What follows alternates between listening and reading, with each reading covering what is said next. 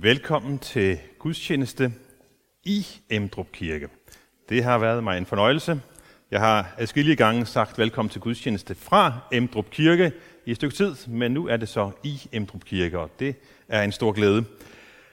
I dag skal vi øh, høre om, at Jesus var hos disciplene, så tog han op til sin far i himlen, ikke for at forsvinde fra dem, men for at være alle steder hos dem. Og det tænker jeg også er et fint billede at tage med os. Gud er ikke bundet til dette kirkerum. Selvom vi har været ude af det her kirkerum i et par måneder, så har Gud været, Jesus har været hjemme hos os i stuen eller på værelset, eller hvor vi nu har, har været og opholdt os, så vi ikke manglede hans nærvær, selvom vi måske har manglet hinandens nærvær, kan man sige. I dag tænkte jeg, at jeg ville fokusere på ordet glæde. Vi øh, hører, at øh, disciplene er, er fyldt af glæde, efter at Jesus forlader dem.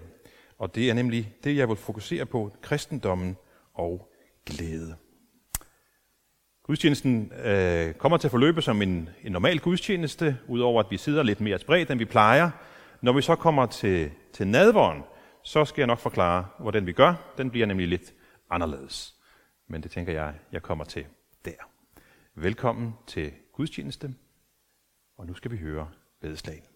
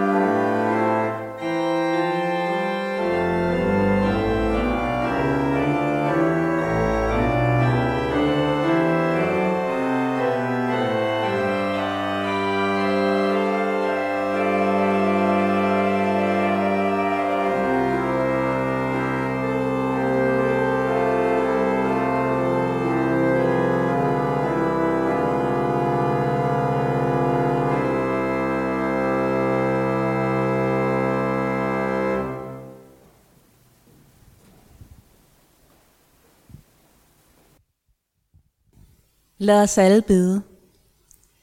Herre, vor Gud, hør os, som er samlet her i det hus, vi har bygget for dit navn.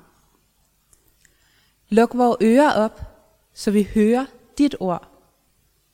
Luk vores øjne op, så vi ser din herlighed. Luk vores hjerter op, så vi omvender os. Giv os stemme, så vi bekender og lovsynger dig. Du Herre, som skabte os. Du frelser, som forløste os. Du gode Helligånd, som trøster os i livet og i døden. Amen.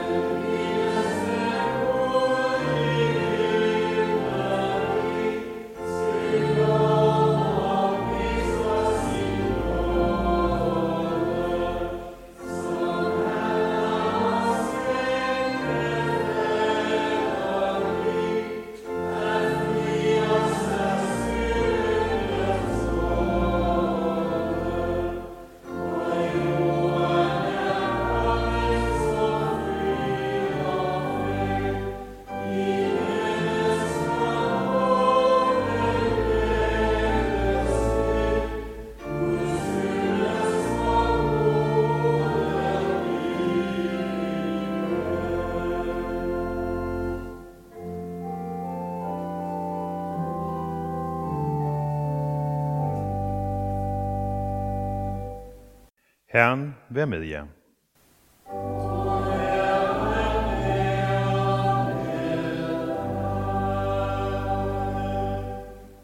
Lad os alle bede. Herre vor Gud, himmelske Far, tak fordi vi kan åbne vores kirker her, Kristi Himmelfartsdag, og høre, at når vi ikke kan se dig nogen steder, så er du overalt. Du som lod din søn, Jesus Kristus, tage plads ved den højre hånd i himlen, hvor han troner så højt som ingen anden, og samtidig er os så nær som ingen anden. Vi beder dig, giv os den hellige ånd, så vi lytter til hans ord, stoler på alt, hvad han har gjort for at frelse os, og tager imod hans velsignelse.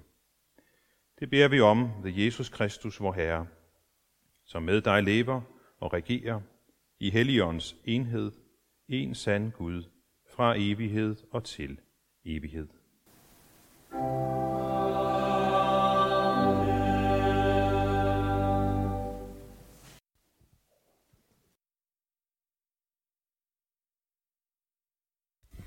Salmisten skriver, Halleluja, lovpris i Herrens tjenere, lovpris Herrens navn. Lovet være Herrens navn, fra nu af og til evig tid. Fra øst til vest skal Herrens navn lovprises. Herren er ophøjet over alle folkene. Hans herlighed er ophøjet over himlen. Hvem er som Herren, vor Gud, i himlen og på jorden? Så højt, som han troner, så dybt ned, som han ser. Fra stødet rejser han den svage. Fra skarnet løfter han den fattige. Han sætter ham blandt fyrster, blandt sit folks fyrster. Han lader den ufrugtbare kvinde sidde som lykkelig mor til sønner. Amen.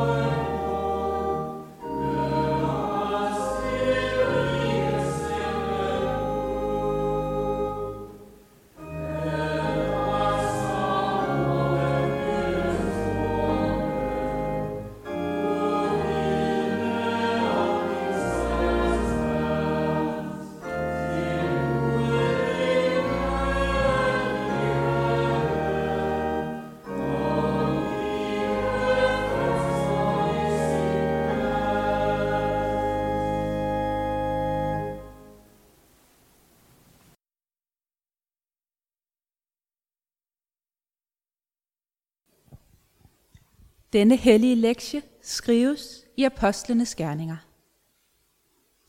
I min første bog fortalte jeg dig Telofius, om alt det, Jesus gjorde og lærte fra begyndelsen, lige til den dag, han blev taget op til himlen, efter at han ved Helligånden havde givet sine befalinger til de apostle, han havde udvalgt. Efter sin lidelse og død trådte Jesus frem for dem med mange beviser på, at han levede, i det han i 40 dage viste sig for dem og talte om Guds rige. Og da han spiste sammen med dem, pålagde han dem, at de ikke måtte forlade Jerusalem, men skulle vente på det, som faderen havde lovet. Om det har I hørt mig sige, Johannes døbte med vand, men I skal døbes med helligånden om ikke mange dage. Mens de nu var sammen, spurgte de ham, Herre, er det nu, du vil genoprette riget for Israel? Han svarede, Det er ikke jeres sag at kende tider eller timer, som faderen har fastsat af egen magt. Men I skal få kraft, når Helligånden kommer over jer, og I skal være mine vidner, både i Jerusalem og i hele Judæa og Samaria, og lige til jordens ende. Da han havde sagt dette, blev han løftet op, mens de så på det, og en sky tog ham bort fra deres øjne. Som de nu stirrede mod himlen, mens han får bort, se, der stod der to mænd i hvide klæder hos dem. De sagde, hvorfor står I og ser op mod himlen, Galilæere? Den Jesus, som er blevet taget fra jer op til himlen, skal komme igen på samme måde, som I har set ham far op til himlen. Amen. Og lad os nu bekende vor kristne tro.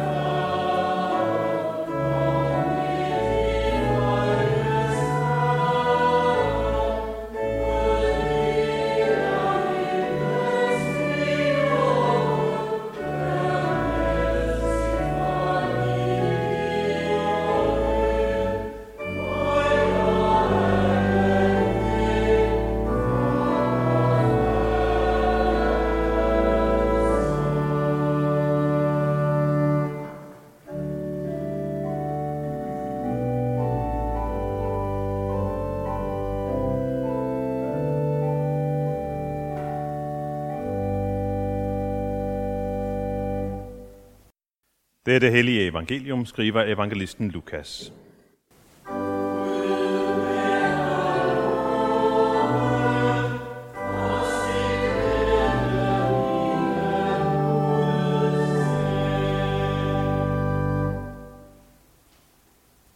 Jesus sagde til dem, Således står der skrevet, Kristus skal lide og opstå fra de døde på den tredje dag og i hans navn skal der prædikes omvendelse til syndernes forladelse for alle folkeslag. I skal begynde i Jerusalem, og I skal være vidner om alt dette, og se, jeg sender det, min far har lovet jer, men bliv i byen, indtil I bliver iført kraft fra de høje. Han tog den med ud af byen, hen i nærheden af Betania, og løftede sine hænder og velsignede dem. I det han velsignede dem, skiltes han fra dem og blev båret op til himlen. De tilbad ham, og fyldt med glæde vendte de tilbage til Jerusalem, og de var hele tiden i templet og lovpriste Gud. Amen.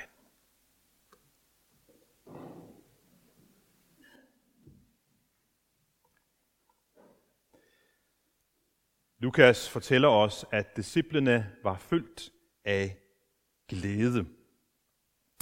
Og han fortæller os også, at øh, vi kan se det helt på billedet her. Det er fra en billedserie fra Himmelfarten. Øh, og øh, I kan se glæden. Det billede, der var lige før, det er, at Jesus er taget op til himlen. Og så hører vi også, at de efter Jesu himmelfart hele tiden er i templet og lovpriser Gud. Og netop det med at være hele tiden i templet, det må vi indrømme, at vi ikke har fået lov til de sidste par måneder, hvis vi tager parallellen fra tempel til kirke. Vi har jo ikke haft lov til at være her og lovprise Gud, men nu kan vi glæde os over, at vi kan det igen. Selvom alle ikke har mod på at være med, og øh, det også skal ske under visse restriktioner. I dag burde vi jo have haft øh, konfirmation.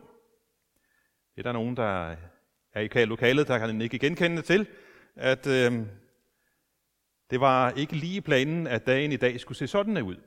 Meningen var, at dørene skulle være åbnet, men det var fordi, vi skulle have propfyldt med mennesker, fordi der var mange gæster.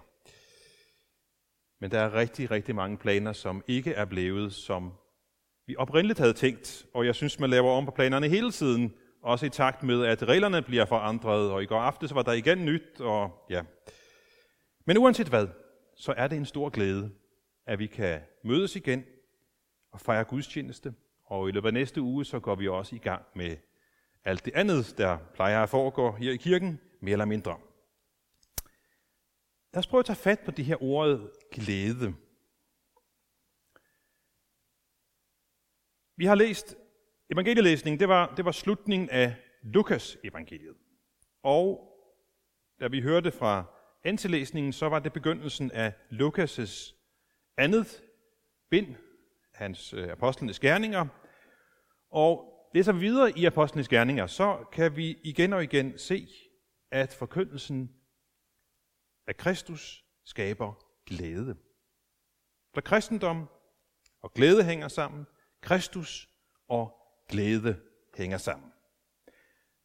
Og det tænker jeg, at vi måske har brug for at minde hinanden om. Det har jeg i hvert fald brug for at blive mindet om, at kristendom og glæde hænger sammen. Fordi jeg har en fornemmelse af, og der er også en del folk, der ytrer det, at kristendom og glæde ikke hænger sammen. Fordi kristendom skal man holde sig fra, fordi kristne, det er sådan nogle kedelige nogen. Der ikke er glade og hele tiden er ked af det og bedrøvede. Så hvis man vil være glad, så skal man holde sig væk fra kristendommen. Og det mener jeg er en misforståelse. Spørgsmålet er, hvor, hvor har folk den indstilling fra? Den opfattelse af kristendom, at den skulle være kedelig. Er det de kristnes skyld? Er det fordi, at troens glæde ikke præger os i vores daglige liv? Klynker vi for meget? Skændes vi for meget? Giver vi kristne, vores medmennesker, indtryk af, at livet som kristen er kedeligt og sørgeligt? Jeg har brug for at minde mig selv om, at kristendom og glæde hører naturligt sammen. Vi forkynder det kristne evangelium. Og for lige at minde om, hvad betyder ordet evangelium? det betyder det glædelige budskab. Jesus taler også om den fuldkommende glæde. Vi hører, at de første kristne var fyldt af glæde, og Paulus han skriver til menigheden i Filippi, glæd jer altid i Herren. Jeg siger af dig, glæde jer. Men hvordan hænger det sammen? Hvordan er sammenhængen mellem kristendom og glæde? For at prøve at forstå det, så tænker jeg, at øhm, det hjælper ikke bare at smide en masse skriftsteder efter mennesker og sige, sørg nu for at være glad. Jeg tror, at mennesker gerne vil se kristendommens glæde hos de kristne. Og der må vi nok være ærlige og sige, det er jo ikke altid så lige til. Og det hænger sammen med en af de dybe sandheder i kristendommen, som vi ikke kan forklare, men som vi kan se og erfare ud fra skriften.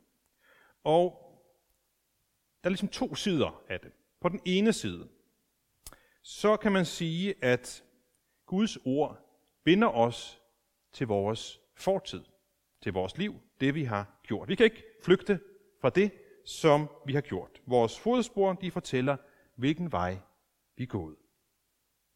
Vi kan så godt prøve at, at se på den lyse side af livet, se lyst på tingene og lade som om det onde ikke er så alvorligt, eller at det onde ikke er et problem i vores liv. Men inderst inde tror jeg, at vi alle sammen ved, at det onde er også en virkelig stærk faktor i vores tilværelse. Det kan vise sig på forskellige måder. Den ene måde, det kunne være en følelse af afmagt. Afmagt over for alle de krav, som livet stiller til os, som vi har svært ved at leve op til. Alt det, vi burde gøre. Vi kan slå os i hovedet med, hvorfor vi nu ikke fik det gjort, og vi ikke var så kærlige, som vi burde. Og alt det kan resultere i en afmagt og følelse af, vi kan overhovedet ikke leve op til alt det her. Vi kan også, det kan også resultere i en, en anden følelse af, at vi bliver bange. En form for angst, som vi helst ikke vil have, kommer snigen, men der kommer alligevel snigende. Angsten for fortiden, angsten for det, som vi ikke kan gøre om, angsten for det, som vi måske har ødelagt i andre menneskers liv. Og måske bunder den ultimativt i angsten for, hvad sker der, når jeg en dag skal stå foran Gud. Guds ord afslører os. Guds ord peger på, at det onde præger os i langt højere grad, end vi bryder os om at indrømme. Det er den ene side.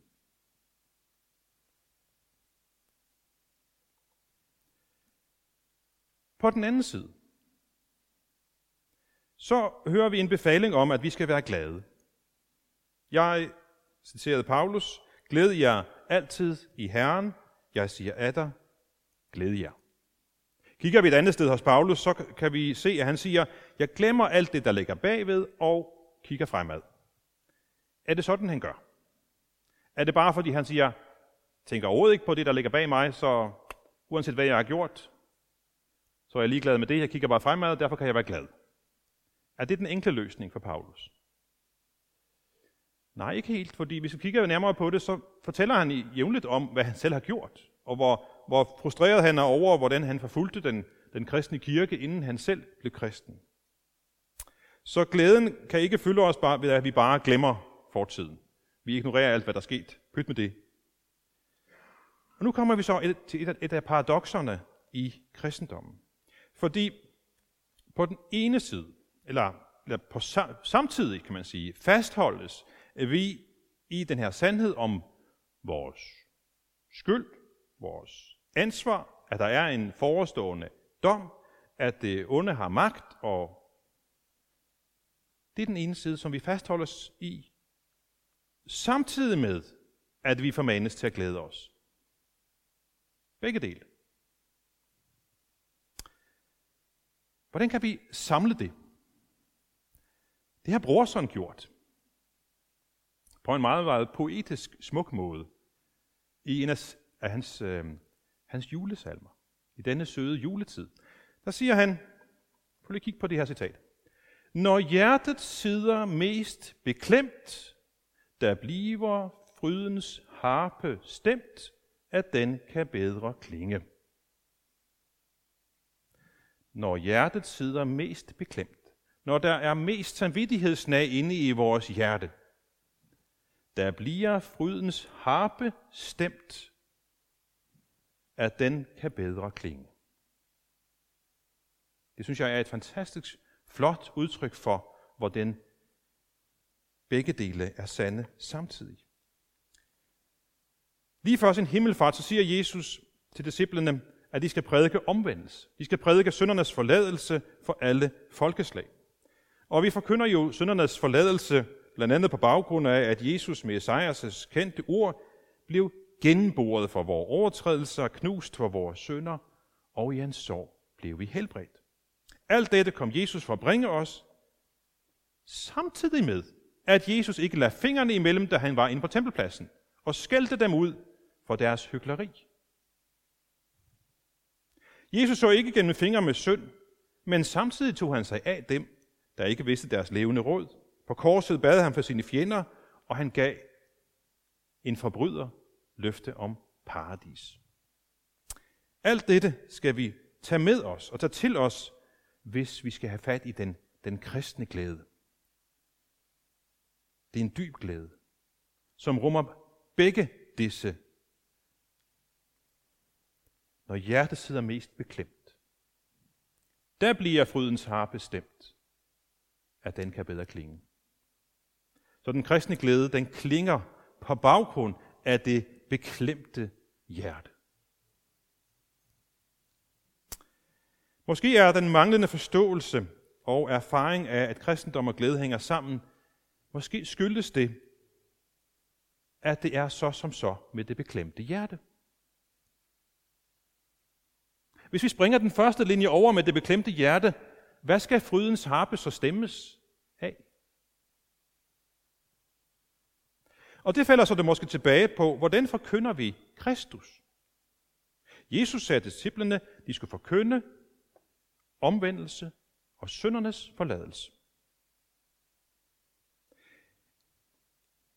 Og så kan man tænke, er det så som så med forkyndelsen af syndernes forladelse? Er det måske et lidt tankevækkende tegn på det, at man i Bibelen 2020 har fjernet ordet synd og erstattet det med en masse andre udtryk, fordi man mener, at synd, det forstår man ikke. Man kan sige i hvert fald, at ordet om syndernes forladelse, hvis vi skal bruge et, et musikalsk udtryk, finder, kun finder sin sande klangbund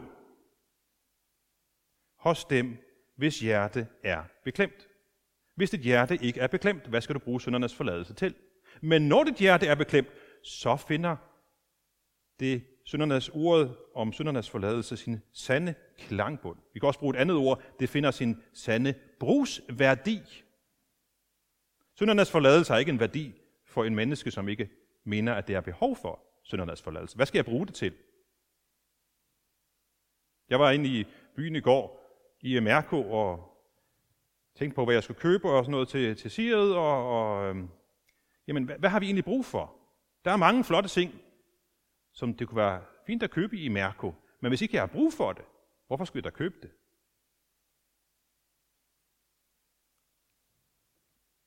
Vi har for nylig blevet mindet om 2. verdenskrig. Og i form af, af først besættelsen og, og, og så befrielsesbudskabet.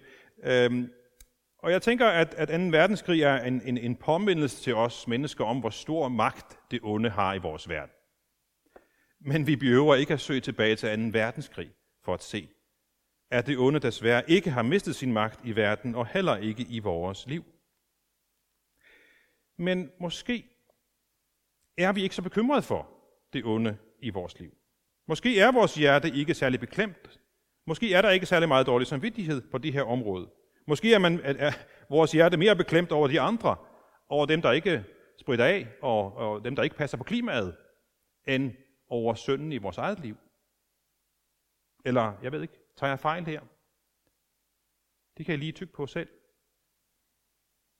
Når hjertet sidder mest beklemt, ikke når blot når det handler om hvad der måtte ske omkring os, men fordi vi indser, hvor meget der er i os, hvor stor vores egen skyld er, så er det, at frydens harpe bliver stemt ved, at Guds nådes og tilgivelses ord banner sig vej ind i vores hjerte, så det kan bringe fred i vores sjæl og sind.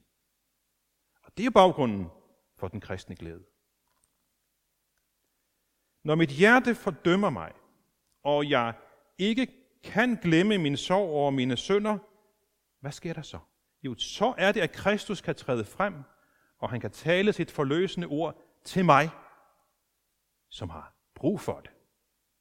Fordi mit hjerte er beklemt. Og det giver mig lov til at hvile i troen på, at Gud ved sin tilgivelse har glemt mine sønder, så jeg kan ånde frit, på trods af synd og død. Det er den kristne glæde. Og derfor synes jeg, at Kristi Himmelfartsdag er en glædens dag, fordi den markerer, at dette, som jo er Guds frelsesværk, er fuldendt. Dette, som startede dengang Gud i Edens have sagde, der skal komme en, der skal knuse dit hoved, sagde han til slangen. Og han pegede på Jesus. Helt fra dengang har Gud med sin plan målbevidst arbejdet for at genoprette det ødelagt. Hos profeterne, vi hørte fra Esajas, derfor bliver vi mindet om det igen og igen. Og i tidens følge, der kom han så. Jesus, født i Bethlehem, vidnede om Guds kærlighed gennem alt det, han sagde og alt det, han gjorde. Hans vidnesbyrd kostede ham livet. Påskemorgen stod han op, mødtes igen med sine disciple, men for at det skulle komme alle til gode, så måtte han forlade denne jord igen. Og det er det, som Kristi Himmelfart handler om. Uden Kristi Himmelfart, så mangler der det vigtige element. Han vender tilbage til sin far, og så kunne han, ja, vi kunne sige, triumferende forlade denne verden, fordi han havde fuldført Guds frelsesplan. Det er baggrunden for glæden. Baggrunden for, at vi kan være fyldt med glæde. Efter himmelfarten, der boede Jesus ved troen i disciplenes hjerter, ligesom han også kan bo i vores hjerter ved troen. Og derfor kan vi lige som disciplene dengang, også i dag glæde os over Herren og tilbe ham. Vi kan lovprise Gud, fordi han har givet os en vidunderlig frelse. Så selvom de mistede Jesus af syne, så havde de ham i hjertet. Og derfor tilbad de ham, men tilbage til byen med glæde og jubel. De tilbad ham og lovpriste ham, fordi de oplevede Jesus som en levende virkelighed. Og vi skal også, ligesom de dengang, vidne for andre om Jesus og prædike omvendelsen til syndernes forladelse, så flere og flere må se, at han lever. Og han vil give os tilgivelse og glæde.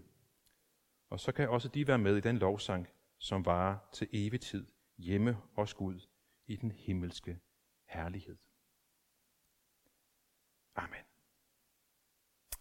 Lad os nu rejse os og med apostlene tilønske hver andre, hvor Herres Jesu Kristi nåde, Guds kærlighed og Helligåndens fællesskab vil være med os alle.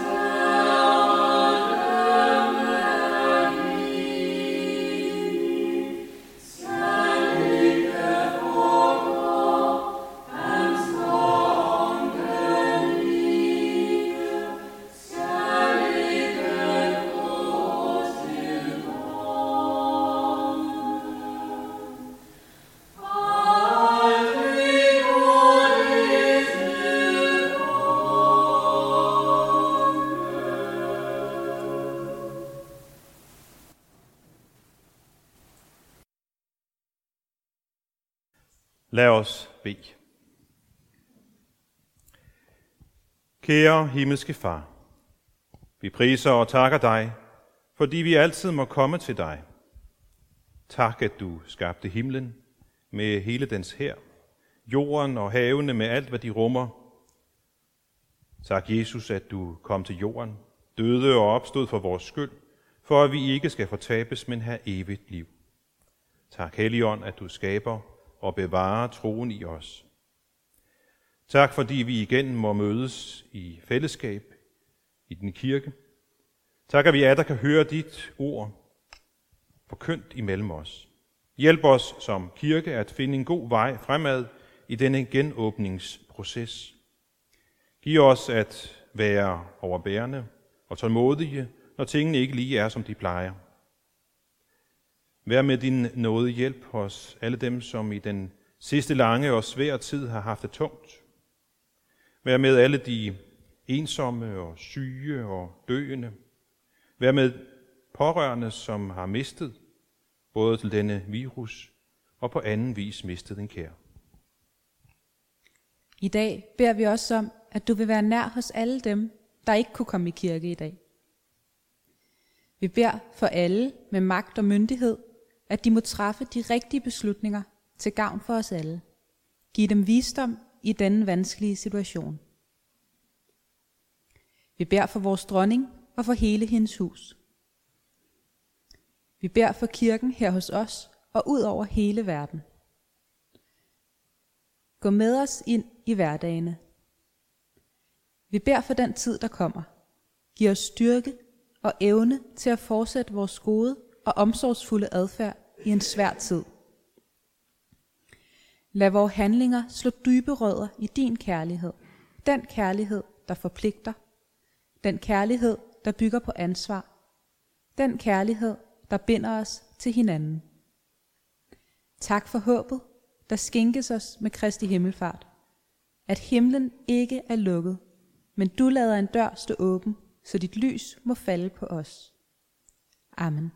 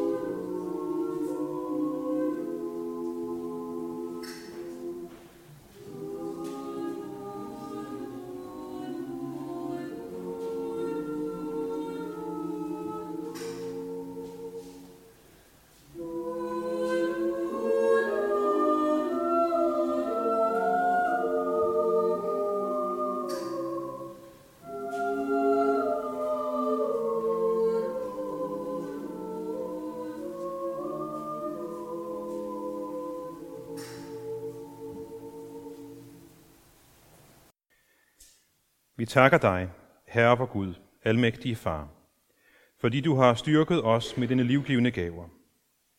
Vi beder dig, at du vil fuldende, hvad du har begyndt i os, styrke vor tro, grundfæste vort håb og gøre den indbyrdes kærlighed levende i blandt os med din søn, Jesus Kristus, vor Herre, som med dig og Helligånden lever og regerer. En sand Gud fra evighed og til evighed.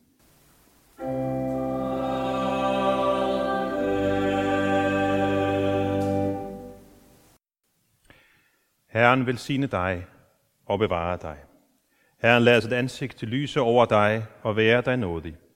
Herren løfte sit åsyn på dig og give dig fred.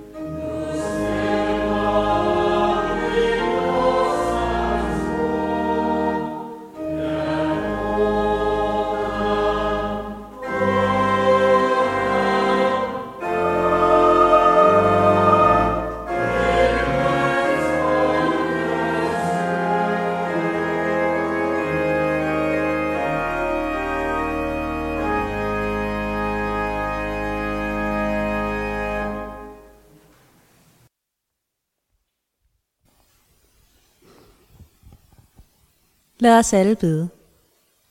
Herre, jeg takker dig af hele mit hjerte for dit tilsavn om min sønders forladelse og for din velsignelse. Bliv hos mig med din fred og giv mig mod til at leve, som du har lært mig. Amen.